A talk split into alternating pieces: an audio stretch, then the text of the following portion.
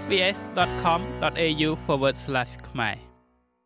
ចាក់កងកម្លាំងប៉ូលីសនៃរដ្ឋ New South Wales និងសាលាក្រុង Fairfield និងសហការគ្នារៀបចំនៅកម្មវិធីតាំងពិព័រណ៍រវាងប៉ូលីសនិងសហគមន៍ដែលភាសាអង់គ្លេសហៅថា Police Community Expo នៅថ្ងៃសៅរ៍ទី20ខែឧសភា ឆ្នាំ2023ពីម៉ោង10ព្រឹកដល់ម៉ោង3រសៀលនៅ Fairfield Showground នៅក្នុងរដ្ឋ New South Wales ហើយជាបន្តទៅនេះគឺជាបទសម្ភាសជាមួយនឹងលោកស្រី Phini Eng ភ្នាក់ងារទំនាក់ទំនងពហុវប្បធម៌នៃ Police New South Wales នៅតំបន់ Fairfield ចាស់ចង់ដឹងថាតើការតាំងពិព័រណ៍នេះមានលក្ខណៈបែបណាខ្លះហើយរៀបចំឡើងក្នុងគោលបំណងអ្វីនោះសូមជួបជាមួយនឹងលោកស្រីដូចតទៅ ចាស់សូមជម្រាបសួរលោកស្រី Phini Eng ចាស់ចាជម្រាបសួរចា ចាអរគុណច្រើនលោកស្រីដែលបានផ្ដល់កិត្តិយសចូលរួមជាមួយនឹង SBS ខ្មែរនៅក្នុងថ្ងៃនេះហើយយើងដឹងថានឹងមានការតាំងពិព័រណ៍រវាងប៉ូលីសនិងសហគមន៍ដែលហៅថា Police Community Expo នៅថ្ងៃសៅរ៍ទី20ខែឧសភាខាងមុខនេះចាស់តើលោកស្រីអាចរៀបរាប់អំពីកម្មវិធីនេះដោយសង្ខេបបន្តិចបានទេចា៎ ចាចាអឺនេះគឺជាការតាំងពិព័រណ៍មួយដែលបរិរដ្ឋ New South Wales នឹងបញ្ចេញបង្ហាញអំពីអង្គភាពជាច្រើនរបស់អង្គការរបស់គេហ្នឹងណាជូនដល់សាធារណជនឲ្យបានជ្រាបដឹងពីមុខងាររបស់ពួកគេនីមួយៗដូចមានជាអាថាក្រមធម្មភាគចៈគេហៅថា Pol Air នៅប្រទេសនេះនៅរដ្ឋរៀងខ្លួនហ្នឹងគឺតាគេមានវិធី ប្រយុទ្ធនឹងព្រឹត្តិកម្មនឹងទៅតាមច្រើនណាស់របៀបគេ មានតាំងពីឡាន មានតាំងពីសេះមានតាំងពីឆ្កែអឺនឹងកប៉ាល់ហោះអាដែលហេលីកុបទ័រហ្នឹងណាចាឧទ្ធម្ភាគចក្រហ្នឹងហើយនឹងអឺគេក្រុមមួយទៀតដែលយើងចំណាំឃើញថាកណាមានបដកម្មអីខ្លាំងហ្នឹងពួកគេពាក់អាវខ្មៅហើយនេះហ្នឹងដូចថាពួកហ្នឹងគេគេហៅថាក្រុមបង្ក្រាបកុបកម្មដែលនាំ បង្កើតមនុស្សមានចលាចលអីហ្នឹងគឺថាគេហៅ riot squad ហ្នឹងគឺថាពួកហ្នឹងគេមាននីតិក្នុងការបក្រាបអ្នកដែលបង្កើតជាគ្រឿងចលារឿងចលាចលឬក៏អំពើហិង្សានៅតាមផ្លូវអីចឹងទៅនៅក្នុងហ្នឹងគឺថាយើងនាំយកមកនៅអង្គភាពផ្លែកផ្លែកដែលថាសាធារណជនមិនដែលបានឃើញហើយ គឺយើងណែនាំឲ្យសាធារណជនយើងនឹងដឹងអំពីមុខងាររបស់អ្នកអស់ហ្នឹងម្យ៉ាងទៀតពួកយើងក៏បានតាក់ទងជាមួយក្រុមសង្គ្រោះបតីទៀតដូចជាខាង ambulance ឬក៏គេហៅថា New South Wales Fire Rescue ហ្នឹង ថាយើងហៅនិយាយកាត់ថាផ្លូវក្រុមឡានទឹកពលុតភ្លើងអញ្ចឹងទៅប៉ុន្តែគេមានក្រុមមួយទៀតឡានទឹកដូចគ្នាដែរប៉ុន្តែគេថាគឺគេពលុតអធិភ័យនៅតាមជនបទគេហៅ rural fire service ហ្នឹងគឺថាភាគច្រើនជួនកាលមានយើងធ្លាប់ដឹងឮហើយថាស្រុកនេះវាព្រៃឆេះ ឆេះព្រៃអីចឹងទៅ ពួកក្រុមហ្នឹងគឺថាគេតស៊ូរាប់អាទិត្យទៅព្រោះជួនកាលការឆេះហ្នឹងវាយូរម្យ៉ាងទៀតគេហៅមួយទៀតគេហៅថា state emergency service ហ្នឹងក្រុមហ្នឹងគឺថាគេដើរជួយ នៅពេលមានព្យុះឬក៏ភ្លៀងឬក៏អដែងគ្រោះធម្មជាតិចាគ្រោះធម្មជាតិពួកហ្នឹងយើងពេលខ្លះទៅយើងនឹកថាហេមិនបាច់ចង់ដឹងទេប៉ុន្តែនៅពេលអាសន្នអីមួយហ្នឹងយើងអាចតាក់ទងក្រុមហ្នឹងហើយគេអត់មានយកលុយយកកាក់យើងទេគឺថារដ្ឋគេបង្កើតឲ្យមានក្រុមអញ្ចឹងដើម្បីដើរជួយដូចបាក់ដើមឈើអីមកអញ្ចឹងយើងធ្វើអត់កើតទេតោះគេពួកគេមានប្រដាប់ប្រដាគ្រឿងក្រៅគេហ្នឹងមកធ្វើជួយចម្លងយើងដូចថាដបូលធ្លុះអីទៅណាចាហើយអានឹងជាឱកាសខ្ញុំសូមលើកទឹកចិត្តដល់បងប្អូនយើងនៅក្នុងសហគមន៍ទាំងអស់ហ្នឹងគឺថាអញ្ជើញមកទៅជួបមើលឃើញរបៀបគេធ្វើការឬក៏តើយើងចង់តាក់ទងគេពេលមានអសន្នធ្វើម៉េចឲ្យយើងចេះឲ្យយើងដឹងអញ្ចឹងទៅចា ចានិយាយទៅគឺពិសេសមិនមែនមានការតាំងបង្ហាញតែពីខាងអង្គភាពប៉ូលីសទេតាមដែលលោកស្រីរៀបរាប់បំបញ្ញមិញហ្នឹងគឺមានទាំងអង្គភាពប៉ូលីសមានទាំងក្រុមជំនួយ សង្គ្រោះបន្ទាន់អ្វីអ្វីចាព្រោះយើងទៀតនោះមានរហូតដល់យើងតាក់ទងទៅខាង TAFE ផ្នែកខាងអង្គការអប់រំណាមាន TAFE New South Wales ហ្នឹងពួកគេក៏ចូលមករួមជាមួយយើងពីព្រោះអីអឺ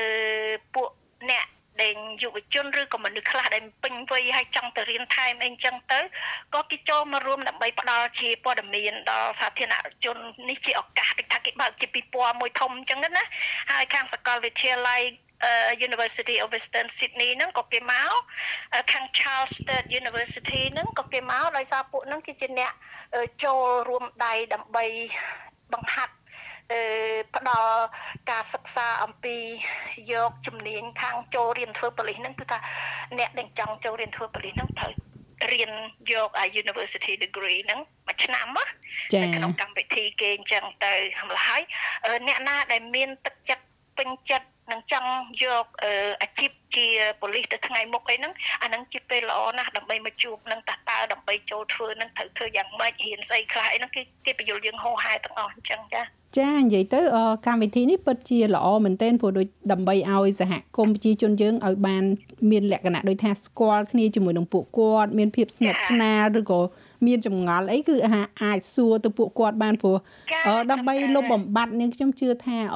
ប្រជាជនដែលមកពីប្រទេសមួយចំនួន ជាពិសេសប្រទេសខ្មែរយើងអ្នកដែលធ្លាប់ឆ្លងកាត់សង្គ្រាមអីអញ្ចឹងអ្នកខ្លះគាត់នៅមានទម្លាប់ថាដូចខ្លាចប៉ូលីសឃើញប៉ូលីសអីអញ្ចឹងយ៉ាយើងភ័យយើងខ្លាចទោះបីជាយើងអត់បានធ្វើអីខុសក៏ដោយក៏ប៉ុន្តែចាកម្មវិធីចា កម្មវិធីបែបនេះធ្វើឲ្យពួកគាត់អាចដូចថាចាប់ផ្ដើមស្គាល់ឃើញឯកសន្តាននឹងអញ្ចឹងកុំឲ្យយើងស្លុតកុំឲ្យយើងភ័យហើយអាចឲ្យយើងដឹងថាពេលមានគ្រោះអាសន្នយើងអាចទៅរកខាងណាបានហើយជួបជាមួយពួកគាត់ផ្ទាល់ដឹងថាពួកគាត់រស់រាយរាក់ទាក់យ៉ាងណាចា៎ហើយមិនគួរឲ្យខ្លាចទេហើយគេមានទឹកចិត្តចង់ជួយមនុស្សណាស់ពួកពួកគេមានការអប់រំគឺថាគេមិនមានមកទៀមទាយកលុយកសគុណស្រ័យឲ្យយើងជាពាក់គុណឬក៏រលុយក្រុមតុកអីអត់មានទេហើយតាំងមិនមែនមានតែខ្មែរយើងទេនៅតំបន់ Fairfield ហ្នឹងគឺថាមាន ជាង100ភាសាខាងដេញថាពហុវប្បធម៌ហ្នឹងណាដូច្នេះតែយើងគេជ្រើសរើសយកកន្លែងហ្នឹងហ្នឹងដោយសារមានក្រុមដែលមានដេញសាវតាមិននិយាយភាសាអង់គ្លេសមកពីប្រទេសដេញរងគ្រោះដោយយើងថាពួកខាងអឺអារ៉ាប៊ិកមានពួក Assyrian មានពួកអឺផ្សេងផ្សេងដែលថាឆ្លងកាត់ក្រៀមអីចឹងទៅណាចាហើយមានខាងយើង ពួកខាងអាស៊ីនឹងក៏មានច្រើនណាស់ច្រើនច្រើនភាសាច្រើនសញ្ជាតិហើយនៅម្ដុំនឹងប៉ុន្តែដែលសំខាន់បំផុតយើងជ្រើសរើសទីកន្លែងឆ្នាំនេះទៀតហ្នឹងគឺថាគេយកកន្លែងគេហៅ Fairfield Showground ហ្នឹងជាកន្លែងធ្លាប់គេប្រើដូចយើងថាអឺបណ្ណាំងសេះជាវិលបណ្ណាំងសេះមួយដែរហើយរៀងរាល់ថ្ងៃសៅរ៍ហ្នឹងគេធ្វើជាផ្សារ ផ្សារដែលខ្មែរយើងយើងចំណាំនិយាយថាផ្សារមេឃណាព្រោះវាអត់មានដបូលណាចាចាលក់គ្រឿងកប៉ិចកប៉ុកគ្រប់បែបគ្រប់យ៉ាងមានកអាវមានគ្រឿងជាង មានស្អីស្អីគ្រប់បែបអញ្ចឹងទៅហើយអឺយើងទៅធ្វើនៅចំហៀងមកខាងខាងហ្នឹងព្រោះថាកន្លែងហ្នឹងជាបោះសាលាក្រុងរួចអឺគេមានឃ្លាគេធំណាស់ ម្ល៉េះហើយអត់មានតាក់ទងប៉ុន្តែអ្នកណាទៅផ្សារក៏គេអាចឈៀងចូលទៅមើលកន្លែងហ្នឹងដែរចានិយាយទៅជាទីប្រជុំជនស្រាប់ដល់ពេលអញ្ចឹងទៅអាចមានមនុស្សចូលទៅមើលច្រើនហើយកម្មវិធីហ្នឹងលោកស្រីលើកមកថាឆ្នាំនេះអញ្ចឹងមានន័យថាកម្មវិធីហ្នឹងបង្កើតឡើងជារៀងរាល់ឆ្នាំឬក៏យ៉ាងម៉េចដែរចាចាធម្មតាអឺក្រសួងនៅរដ្ឋ New South Wales ហ្នឹងនៅក្នុងភារៈជាអ្នកបម្រើសាធារណជនហ្នឹងគឺថា រដ្ឋាភិបាលតម្រូវឲ្យបង្ហាញនៅបំកិច្ចបំរើសេវារបស់ខ្លួនឯងនឹងតាក់ទងឲ្យប្រជារាស្ត្រនឹងដឹងឮពីការងាររបស់ខ្លួនឯងនឹងដូច្នេះក្រសួងប៉ូលីសនឹងក៏មិនខុសពីគេដែរក៏ប៉ុន្តែពួកយើងរៀបចំនឹងតាំងពីឆ្នាំ2011រៀងរាល់ឆ្នាំរហូតមកដល់ពេល COVID ដូចជា19ហ្នឹងយើងផ្អាកដោយសារវាមានដំណើរមិនល្អនៅ ចាប់ផ្ដើមពីខែ7ខែ8យើងបារម្ភរួចហើយណាដូច្នេះអត់បានធ្វើទេរហូតដល់ចប់ហើយនឹងផុតហើយនឹងក៏យើងនៅស្ទង់មើលឲ្យដឹងច្បាស់ហើយតម្រាំតែយើងរៀបចំអីស្រួលបួនហ្នឹងចឹងបានយើងទំចាប់ផ្ដើមត្រឡប់មកវិញនៅឆ្នាំនេះឯង2023នេះចាដូច្នេះយើងខាន3 4ឆ្នាំហើយ ចាចាអឺលោកស្រីអំបញ្ញមិញនឹងខ្ញុំចាប់អារម្មណ៍លោកស្រីមានប្រសាសន៍ថានៅក្នុងកម្មវិធីតាំងពីពណ៌បង្ហាញរវាងប៉ូលីសនិងសហគមន៍នេះគឺថាមានតាំងពីអឺអង្គភាពដែលគេបណ្ដោះបណ្ដាលប៉ូលីសអីក៏មានដាក់តាំងបង្ហាញនៅក្នុងកម្មវិធីនឹងដែរអញ្ចឹងអឺតើគេធ្វើបែបហ្នឹងក្នុងគោលបំណងអ្វីដែរលោកស្រីចាអាចថាឧបមាថាក្មេងៗឬក៏មនុស្សវ័យជំទង់អីដែលគាត់ ចាប់អារម្មណ៍នៅក្នុងចង់ខ្លាយជាប៉ូលីសអីអញ្ចឹងគាត់អាចចោះឈ្មោះនៅពេលនឹងបានដែរទេឬមួយក៏យ៉ាងម៉េចចា ចាខ្ញុំខ្ញុំសូមអរគុណណាស់ដែលបានសួរចំសំណួរដែលខ្ញុំចង់ជម្រាបហោហែហ្នឹងគឺថាគោលបំណងរបស់ប៉ូលីសរដ្ឋ New South Wales ហ្នឹងគឺថាចង់ឲ្យមនុស្សស្គាល់ហើយដឹងពីករណីយកិច្ចរបស់ពួកគេធ្វើការយ៉ាងម៉េចហើយគេចង់លើកទឹកចិត្តឲ្យមនុស្សឃើញពីតម្លៃនៃការជួយមនុស្សហ្នឹងតាមការរៀបចំនិងគ្រប់ច្បាប់ណាហើយតាំងក្នុងហ្នឹងគេហៅ recruitment unit ហ្នឹងគឺក្រុមជ្រើសរើសបុគ្គលិកហ្នឹងក៏គេមកដែរដើម្បីយើងចង់ជួបសួរយើងមិនទាន់អាចចោះឈ្មោះបានដូចថានឹកឃើញចង់ចោះយើងចោះមែនទេគេមានពេលគេរើសណាថាពេលខ្លះអញ្ចឹងទៅយើងអាចសរសេរគេគាត់ប្រាប់យើងថាយើងទៅចូលទៅក្នុង website ណាមួយរបស់គេទៅហើយយើងមើលព័ត៌មានយើងមើលឲ្យច្បាស់ដូចយើងថាមុនទៅរៀនប្រឡងឡានអញ្ចឹងណាចាមានការណែនាំបង្ហាញផ្លូវអញ្ចឹងទៅចា ហើយប៉ុន្តែគេបញ្យល់យើងក៏បោះក្បាយដូចថាអ្នកអាយុប៉ុណ្ណេះបានចូលបានហើយត្រូវកាយខ្លះកាយសម្បទាទី1គឺថាយើងអាចរត់បាន100ម៉ែត្រដោយអត់មានបញ្ហាអីចឹងណាពីព្រោះអីប៉ូលីសអូនជ្រាបស្រាប់ហើយការងារមិនមែនងាយស្រួលទេព្រោះពេលខ្លះត្រូវដេញចោលអីចឹងទៅបើយើងអ្នកមិនមាននិយាយទៅគឺត្រូវការចាកាយសម្បទាមមួនចាចាហើយប៉ុន្តែឥឡូវនឹងធូរជាងមុនច្រើនណាពីមុនរើសតាំងពីកម្ពស់ទៀតនោះ ឥឡូវហ្នឹងអត់ទេអត់រើសកម្ពស់ទេប៉ុន្តែគេលើកទឹកចិត្តឲ្យអ្នកដែលមានសាវតាមកពីប្រទេសដទៃ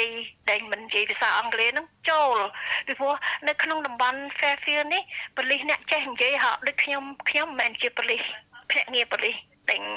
ហាត់វឹកវើមានបាច់មានអីទេប៉ុន្តែអឺខ្ញុំនឹងជាភ្នាក់ងារតំណាក់តំណងអញ្ចឹងទៅខាងផ្នែកពុះវប្បធម៌ហ្នឹងណាអឺយើងនិយាយភាសាមួយថាខ្ញុំនិយាយភាសាខ្មែរមានគេ4នាក់ទៀតនិយាយភាសាអារ៉ាប់និយាយភាសាវៀតណាមចិនអឺលាវថៃអីចឹងទៅនៅក្នុងតំបន់តែមានមនុស្សណានិយាយច្រើនអញ្ចឹងគេរើសអ្នកធ្វើការដែលចេះភាសានោះសនុកងាយក្នុងការតាក់ទងអញ្ចឹងណាហើយសំបីតែប៉ូលីសអឺ officer ភ្នាក់ងារប៉ូលីសតែម្ដងហ្នឹងក៏គេមកអ្នកខ្លះគេចេះនិយាយភាសាអីផ្សេងផ្សេងច្រើនអញ្ចឹងទៅមកហើយអាចជួយដល់សាធារណជនដែលមិនមានជំនាញខាងភាសាហ្នឹងអាចយល់បានភ្លាមភ្លាមមិនចាំបាច់តែថាយើងអាយុនេះទេឲ្យតែនៅដូចថាយើងធ្លាប់ធ្វើស្អីពីមុនមកស្រាប់នឹកឃើញដែរមើលទៅដូចស្រួលដែរចង់ ចូលរៀនខាងហ្នឹងចូលធ្វើប៉ូលីសអាយុ40ក៏គេនៅតែទទួល50ក៏នៅតែទទួលចាក៏ប៉ុន្តែតើតើយើងហ្នឹងវាមានស្អីមួយដើម្បីឲ្យគេចាប់អារម្មណ៍ពីយើងដែរអញ្ចឹងហើយបានថាអ្នកខ្លះដាក់ពាក្យអញ្ចឹងទៅអឺអាចគេមិនទទួលណានេះខ្ញុំគាត់លើកឧទាហរណ៍ណាចាមិនមែន បានន័យថាយើងដាក់គេដឹងតែយកចាព្រោះធម្មតាមានលក្ខខណ្ឌគេថាយើងត្រូវមានកាយសម្បទាបែបណាអាយុបែបណាអីចឹងណាចាម្យ៉ាងទៀតដូចថាការជ្រើសហ្នឹងគេមានកំណត់របស់គេដែរក្នុងមួយឆ្នាំគេរើសប្រមាណអញ្ចឹងណាដូច្នេះគេត្រូវជំរើសមែនតែនហើយប៉ុន្តែសំខាន់ទី1ដែលយើងត្រូវយល់បើយើងចង់ធ្វើត្រូវរៀនភាសាពីព្រោះ communication ហ្នឹងសំខាន់អាយុខ្លួនឯងអាយុជីវិតខ្លួនឯងនិងអាយុរបស់អាយុជីវិតរបស់នៃសាធារណជនព្រោះបើយើងនិយាយគ្នាហើយយើងមិនបានតាក់ទងអីច្បាស់លាស់យើងអត់យល់ហើយយើងនិយាយថាអូខ្ញុំកន្លែងហ្នឹងអត់យល់គេអត់មានពេលបញ្យល់ទេណាព្រោះពួកគេប្រើរត់យល់គេអីចឹងទៅជាវិជាជីវៈមួយដែលថាត្រូវការចាំបាច់ក្នុងការវឹកវើហើយនឹងជំនាញច្រើនណាជំនាញខាងភាសាអីចឹងទៅណាចាចាចាអរគុណច្រើនអ្នកស្រីហើយអឺសំណួរមួយទៀតហ្នឹងគឺឃើញថាកម្មវិធីហ្នឹង រៀបចំឡើងនៅក្នុងដូចថា Fairfield Showground អីអញ្ចឹងអឺជាកម្មវិធីលក្ខណៈដូចថាក្រុមគ្រួសារទាំងមូលអាចចូលរួមបានឬក៏ធ្វើឡើងសម្រាប់តែមនុស្សពេញវ័យឬក៏សម្រាប់តែអឺកុមារឬក៏យ៉ាងម៉េចដែរលោកស្រីចាចាអឺកម្មវិធីហ្នឹងគឺថាយើងបានគិត មកចត់ហ្នឹងគឺថាយើងធ្វើសម្រាប់ជាគ្រួសារតែម្ដងអាយុប្រហែលក៏ចូលបានម៉ែឪរញទៀសកូននឹងអាចមកបានពីពួកគេអត់មានអឺកម្រិតឋានៈនេះអាយុប៉ុណ្ណេះអីអត់មានទេហើយការចូលនឹងអត់មានបង់ថ្លៃទេគឺអញ្ជើញដោយសេរីហើយចាប់ពីម៉ោង10ទៅដល់ម៉ោង3អាសៀលហ្នឹងគឺថាការងារដែលយើងរៀបចំតាំងហ្នឹងគឺនៅរហូតចឹងទៅហើយយើងបានអញ្ជើញក្រុម ពហុវប្បធម៌ផ្សេងផ្សេងដូចជាពួកខាងក្រមយុវជន Pacific ហ្នឹងគេគេមករាំឬក៏គេមកបង្ហាញពីប្រពៃណីគេអីចឹងទៅខាងអាស៊ីហ្នឹងគេមានពួកក្រមលោតបងសាយអីចឹងណាចាហើយមានក្រុមមួយចំនួនទៀតដែលគេមកជួយដូចថាស្ម័គ្រចិត្តគេលើកទឹកចិត្តពីរឿងការឲ្យមនុស្សចេះយល់អំពីកិច្ចការស្ម័គ្រចិត្តណា ហើយគឺថាព្រោះគេដឹងថាពួកសេះណាបលិសដេញនេះសេះហ្នឹងខ្ញុំគ្រាន់ចង់បញ្ជាក់ថាអ្នកខ្លះឆ្ងល់ថាមិនចាំបាច់មានពួកសេះព្រោះពួកសេះហ្នឹងគឺថាគេបកកែក្នុងការបង្ក្រាបដេញ ចលាចលដូចបដកម្មអីធំធំហ្នឹងគេយកសេះមកហើយពួកប៉ូលីសខាងសេះហ្នឹងដូចគេគៀងមនុស្សគេអត់មានទៅជុំមនុស្សអីអញ្ចឹងទេណាចាចាដូចថាជាការចាត់ចែងរបស់គេអញ្ចឹងទៅហើយពួកឆ្កែហ្នឹងគឺថាបើគេចង់ដេញតាមជនល្មើសណាដែលវា ងាកទៅណាលួចពួនតាណាដែលគេមិនដឹងហ្នឹងគឺឆ្កែវាប្រកែហាត់ក្លិនណាហើយដូច្នេះទៅភាកច្រើនហ្នឹងណាសឹងថាជោគជ័យ90%ហើយក្នុងការដេញតាមចាប់អីហ្នឹងគាត់អាយុហិញចាប់អញ្ចឹងណាព្រោះវាមានក្លិនអញ្ចឹងទៅវាចាប់បានដូច្នេះគេនេះឆ្កែគេបង្ហាត់ឆ្កែហ្នឹងរួចម្ល៉េះហើយក្មេងៗជួយចិត្តហ៎ពេលអញ្ជើញមកដែលយើងធ្វើស្រង់មតិលើកមុនលើកមុនហ្នឹងគឺថាភាកច្រើនមនុស្សសប្បាយចិត្តនឹងទៅតាក់ទងមើលឲ្យគេថតរូបជាមួយពួកខាង ជើងសេះនិងពួកបង្ហាត់ឆ្កែ